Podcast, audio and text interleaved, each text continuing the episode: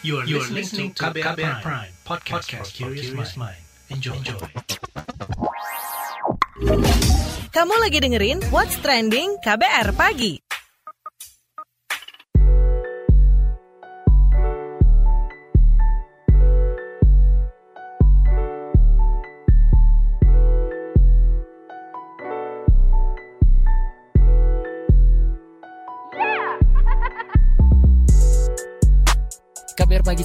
Radio paling update. Selamat pagi, apa kabar Anda hari ini di hari Kamis 25 Maret 2021? Ketemu lagi dengan saya Don Brady di What's Trending KBR Pagi. Pagi ini kita ngobrolin soal sistem tilang elektronik atau Electronic Traffic Law Enforcement. Tahap 1 secara nasional itu telah diluncurkan Kapolri Listio Sigit Prabowo sejak Selasa 23 Maret kemarin. Dalam tahap satu ini ada 12 provinsi yang akan menerapkan sistem tilang elektronik. Totalnya kamera tilang elektronik akan ditempatkan di lebih dari 240 titik. Kapolri Listio Sigit Prabowo berjanji penerapan tilang elektronik ini akan diperluas hingga mencapai 34 provinsi. Nantinya setiap pusat kota atau ibu kota kabupaten atau kota juga akan ditempatkan kamera tilang elektronik. Untuk tahap 1 ada 12 Polda menerapkan sistem ini, di antaranya Polda Metro Jaya, Polda Jawa Barat, Polda Jawa Tengah, Polda Jawa Timur, Polda DIY, Polda Riau, Polda Jambi, Polda Sumatera Barat, Polda Lampung, Polda Sulawesi Selatan, Polda Banten, dan Polda Sulawesi Utara. Sistem tilang elektronik nasional ini merupakan salah satu program Listio Sigit Prabowo sebelum menjabat Kapolri.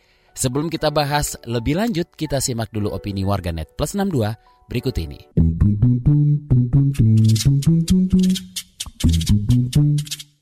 Kita ke komentar at Hargo Swap. Tilang elektronik serem juga ya, apalagi masih sering ngelanggar. Terus ke komentar at Kironos. Jadi yang pakai CCTV itu ITLE. Lanjut ke Hafiz 7534. Untuk letak titik lokasi kameranya ada di mana aja ya? Lalu komentar at Madi Rodoksia. Wujudkan penegakan hukum yang tegas dan transparan. Ke komentar Ed Diawur, biasanya yang paling merasakan sanksinya adalah masyarakat yang taat hukum, sedangkan yang emang bandel-bandel akan selalu ngeles bayar denda. Lalu Ed mencari underscore DPO. Ini baru keren untuk ngurangin pelanggar lalu lintas dan meminimalisir pungli di lapangan. Dan terakhir ke Ed Gregorius underscore 6. Tilang elektronik itu bagus, ngurangin pungli, polisi standby 24 jam nonstop di jalanan, tapi sistemnya itu rapiin dulu deh. Sekarang mobil bekas aja harganya lebih bagus kalau STNK masih panjang. Bisa-bisa salah kirim alamat tilang.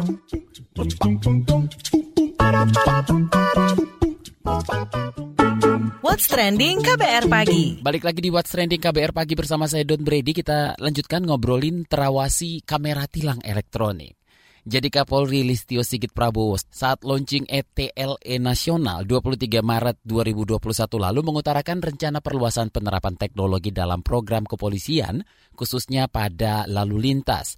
Ia pun berharap tilang elektronik dapat mengurangi interaksi pelanggar lalu lintas dengan petugas dan dapat meningkatkan kualitas pelayanan publik Polri. Ini dia pernyataannya. Ke depan secara bertahap ini akan terus kita kembangkan menjadi 34 provinsi dan di setiap ibu kota kabupaten ataupun kota mudia nanti juga akan kita gelarkan. Selain itu ini nanti ke depan kami akan mengembangkan program-program pelayanan kepolisian khususnya di lalu lintas dengan berbasis teknologi informasi. Rencana kami akan melaksanakan program dengan memanfaatkan teknologi informasi antara lain mengembangkan perpanjangan SIM dengan menggunakan teknologi informasi, kemudian pelayanan STNK dan SKCK itu adalah uh, rencana kami ke depan. Impian kami ke depan polisi lalu lintas hanya melaksanakan tugas-tugas yang bersifat mengurai kemacetan lalu lintas, menolong masyarakat yang mengalami kecelakaan, kemudian melakukan kegiatan-kegiatan yang pada saat itu butuh kehadiran polisi lalu lintas. Sementara untuk penegakan hukumnya yang selama ini di satu sisi ini adalah potensial terjadinya kerawanan penyalahgunaan kewenangan ini bisa kita hindari dengan memanfaatkan teknologi informasi. Teknologi informasi yang kita siapkan ini tentunya dilengkapi dengan artificial intelligence, Internet of Things, dengan memanfaatkan big data sehingga kemudian hasilnya tentunya bisa dipertanggungjawabkan secara presisi, secara akurat. Nah pada kesempatan yang sama Kepala Operasional Satgas ETLE Kompol Arif Fazlu Rahman menjelaskan secara teknis penerapan tilang elektronik ini. Seperti apa lebih lanjut kita simak berikut ini. 2030 CCTV traffic monitoring yang saat ini sudah tergelar dari Sabang sampai dengan Maroke. CCTV ini juga tersambung dengan instansi terkait dan stakeholder yang berkepentingan. Kamera-kamera ETLE yang saat ini sudah tersebar di 244 lokasi. Yang mana kamera-kamera ini dibekali sebuah teknologi canggih, Artificial Intelligence Analytic, sehingga mampu membantu petugas dalam melakukan tugas-tugas di kepolisian. Salah satu pelanggaran yang sering dilakukan oleh masyarakat yaitu kurangnya kesadaran menggunakan pelindung kepala atau helm. Selanjutnya petugas di back office akan melakukan tahapan-tahapan verifikasi, yaitu mencocokkan ciri-ciri kendaraan dengan data regiden. Apabila petugas menyatakan pelanggaran ini valid, maka akan langsung diterbitkan surat konfirmasi yang kemudian surat tersebut langsung dicetak dan dikirimkan ke alamat pemilik kendaraan. Surat konfirmasi ini tentunya berisikan di antaranya keterangan pelanggaran yang dilakukan, pasal-pasal yang dilanggar. Kemudian halaman selanjutnya berisi data-data yang harus dilengkapi oleh terduga pelanggar. Dan yang paling penting, surat ini juga mengattach sebuah foto dokumentasi valid pelanggaran yang ada. Yang menarik adalah surat ini sudah dilengkapi dengan sebuah QR code terenkripsi di mana masyarakat dengan sangat mudah cukup melakukan dua langkah yaitu melakukan scan terhadap barcode yang ada. Pelanggar yang melakukan konfirmasi akan tampil di handphone kita status pelanggarannya, foto dan video pelanggaran yang terjadi, dan kemudian cara melakukan konfirmasi.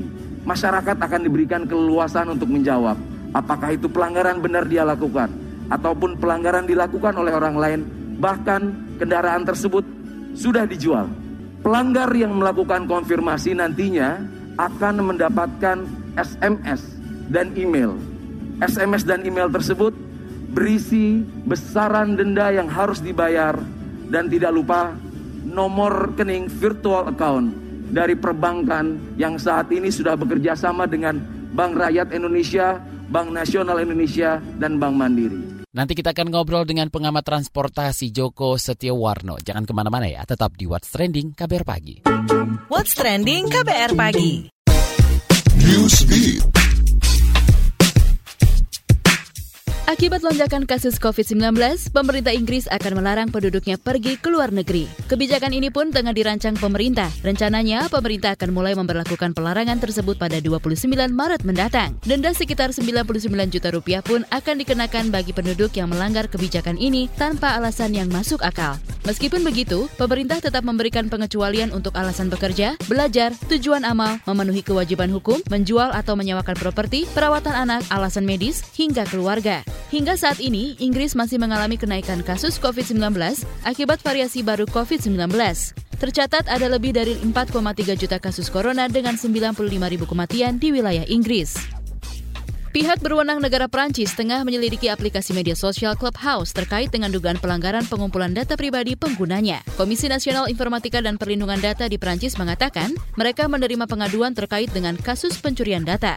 Sejumlah pertanyaan pun telah diajukan pihak terkait, namun pihak media sosial asal Amerika Serikat tersebut membantah adanya kasus tersebut. Mereka mengklaim bahwa privasi dan keamanan data pengguna aplikasi adalah hal utama serta diprioritaskan. Saat ini pihak terkait Prancis masih memastikan kasus tersebut dan jika terbukti maka aplikasi Clubhouse akan diberikan sanksi denda.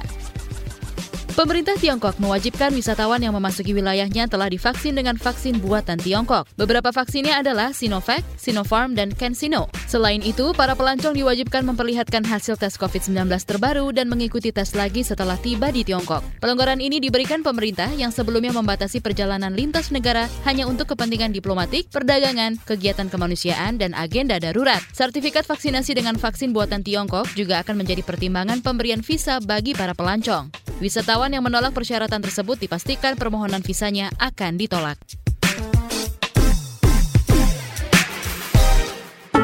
What's Trending KBR Pagi. Terawasi kamera tilang elektronik, itu yang kita obrolin pagi ini di What's Trending KBR Pagi. Seperti yang saya katakan tadi, kita akan ngobrol dengan pengamat transportasi. Seperti apa catatan dari penerapan sistem tilang elektronik ini?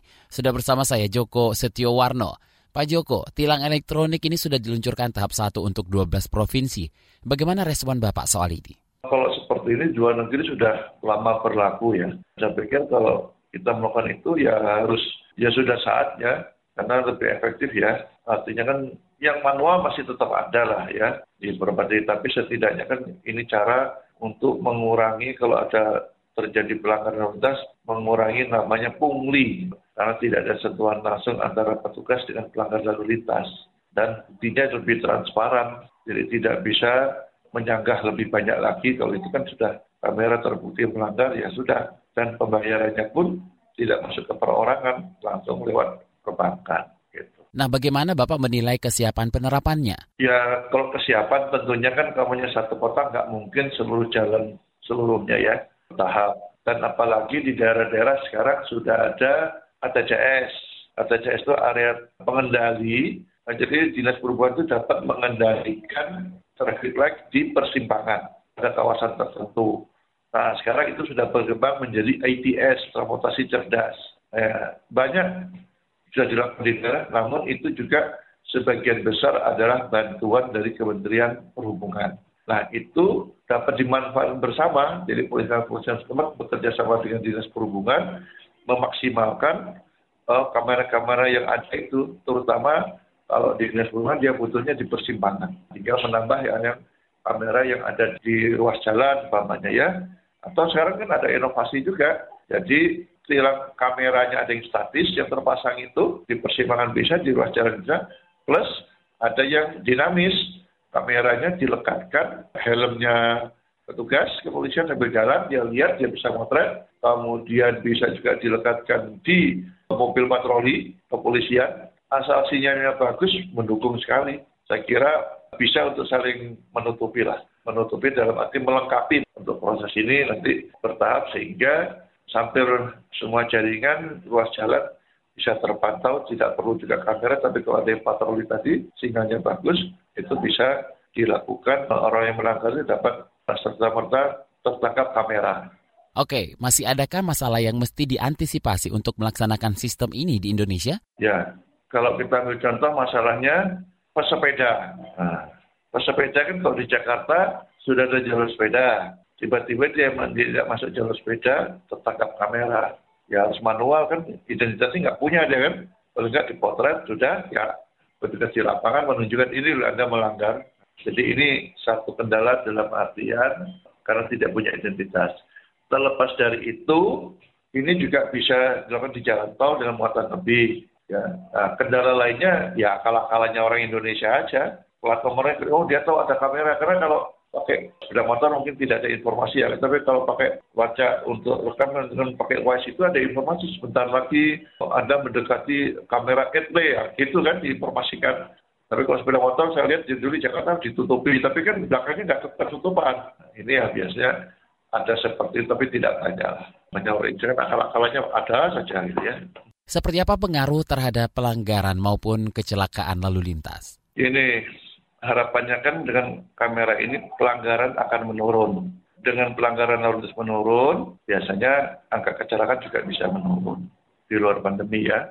Tetapi yang perlu saya sarankan pada masyarakat sekarang ini dengan dimulainya pemantauan sistem tilang ini dengan kamera, yang pertama harus selektif pinjam meminjam kendaraan bermotor karena nanti yang minjam mungkin tidak sesuai dengan STNK namanya. Yang kena denda ini ada yang plat nomornya ada STNK-nya itu. Orang itu yang akan kena suruh bayar. Kedua, kalau ada transaksi penjualan kendaraan bermotor segera balik nama. Kalau nggak balik nama, kemudian ada pelanggaran, ya nama sesuai STNK juga yang akan dikenakan denda itu. Itu. Terima kasih pengamat transportasi Joko Setiowarno. What's trending KBR pagi? Commercial break. Commercial break. Transfer ke sini udah, bayar ini juga udah. Ke gue udah. Heh, Allah, pertumbuhan ekonomi tuh lagi melambat, persis kayak tabungan gue. Betul banget. Harus matang ngelola keuangan. Pengennya tuh investasi sesuatu gitu ya. Apa gitu yang cocok dan menguntungkan? Hmm, coba dengerin uang bicara deh. Gue belakangan lagi dengerin podcast itu di KBR Prime.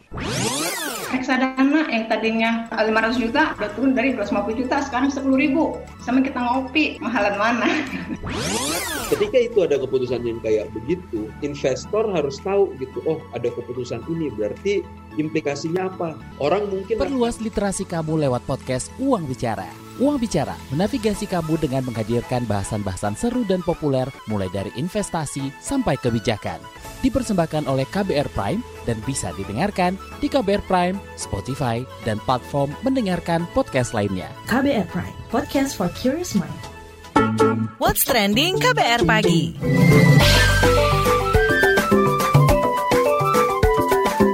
WhatsApp Indonesia. WhatsApp Indonesia dimulai dari Jakarta. Pemprov DKI Jakarta tengah mempertimbangkan izin pembukaan tempat usaha karaoke di tengah pandemi COVID-19.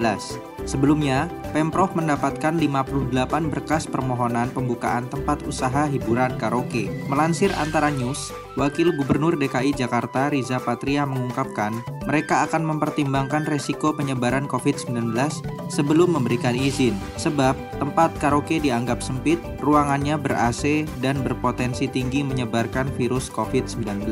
Sejauh ini, tempat-tempat karaoke yang mengajukan berkas permohonan telah mempresentasikan sejumlah kesiapan protokol kesehatan, seperti yang dilakukan di bioskop kepada pihak Pemprov. Menurut Riza, tutupnya tempat karaoke tak hanya berdampak pada pemilik usaha, tapi juga pekerjaannya, seperti pelayan, petugas keamanan, dan staf lainnya. Meski begitu, pemerintah masih akan mempertimbangkan dan mengutamakan faktor-faktor kesehatan sebelum memberikan izin. Selanjutnya menuju Balikpapan, Kalimantan Timur. Dinas Perdagangan Kota Balikpapan, Kalimantan Timur mewajibkan bagi pedagang yang ingin memperpanjang sewa kios atau lapak di pasar tradisional menyertakan sertifikat vaksin. Kepala Dinas Perdagangan Kota Balikpapan, Arzaidi Rahman mengatakan, kebijakan itu untuk mendukung pelaksanaan vaksinasi bagi seluruh masyarakat, khususnya yang memenuhi syarat. Bagi pedagang yang tidak menyertakan sertifikat vaksin, tidak akan diperpanjang sewa kios ataupun lainnya. Kata dia, sejauh ini dari 11 pasar tradisional, sudah ada dua pasar tradisional yang pedagangnya telah disuntik vaksin COVID-19 Sinovac, yakni pedagang pasar tradisional Kalandasan dan pedagang pasar tradisional Pandansari. Kata dia, jika vaksin mencukupi, rencananya pedagang pasar tradisional Rapak, Sepinggan, Pasar Baru akan menjadi target divaksin selanjutnya. Dia menilai, pedagang pasar rawan tertular COVID-19 karena setiap hari melayani ribuan masyarakat sehingga mengikuti vaksinasi menjadi kewajiban selain tetap mematuhi protokol kesehatan. Terakhir mampir Bali, pemerintah Kabupaten Jembrana Bali membangun sentra tenun khas daerah setempat. Hal ini pun didukung oleh Ketua Dewan Kerajinan Nasional Daerah atau Dekranasda Provinsi Bali Putri Swastini Koster. Sentra tenun ini dianggap mampu mengangkat kesejahteraan pengrajin di tengah pandemi COVID-19 dan mampu melestarikan tenun khas Jembrana. Melansir dari Antara News, Putri Swastini Koster mengatakan, sentra ini dapat mendorong rasa cinta dan tanggung jawab masyarakat untuk mencintai produk dalam negeri. Selain Jembrana, beberapa kabupaten lain seperti Klungkung, Karangasem, dan Buleleng juga memiliki sentra tenunnya sendiri. Sentra tenun ini juga akan menjadi wadah bagi para pengrajin untuk terus memproduksi kain-kain tenunnya, seperti kain endek dengan corak jalak Bali khas Jembrana. Demikian WhatsApp Indonesia hari ini. Demikian KBR pagi hari ini. Jika Anda tertinggal siaran ini, Anda bisa menyimaknya di podcast What's Trending yang ada di kbrprime.id, di Spotify, atau di aplikasi mendengarkan podcast lainnya. Besok kita ketemu lagi. Don't Brady undur diri. Stay safe. Bye-bye. Terima kasih ya sudah dengerin What's Trending KBR Pagi. KBR Prime, cara asik mendengar berita. KBR Prime, podcast for curious mind.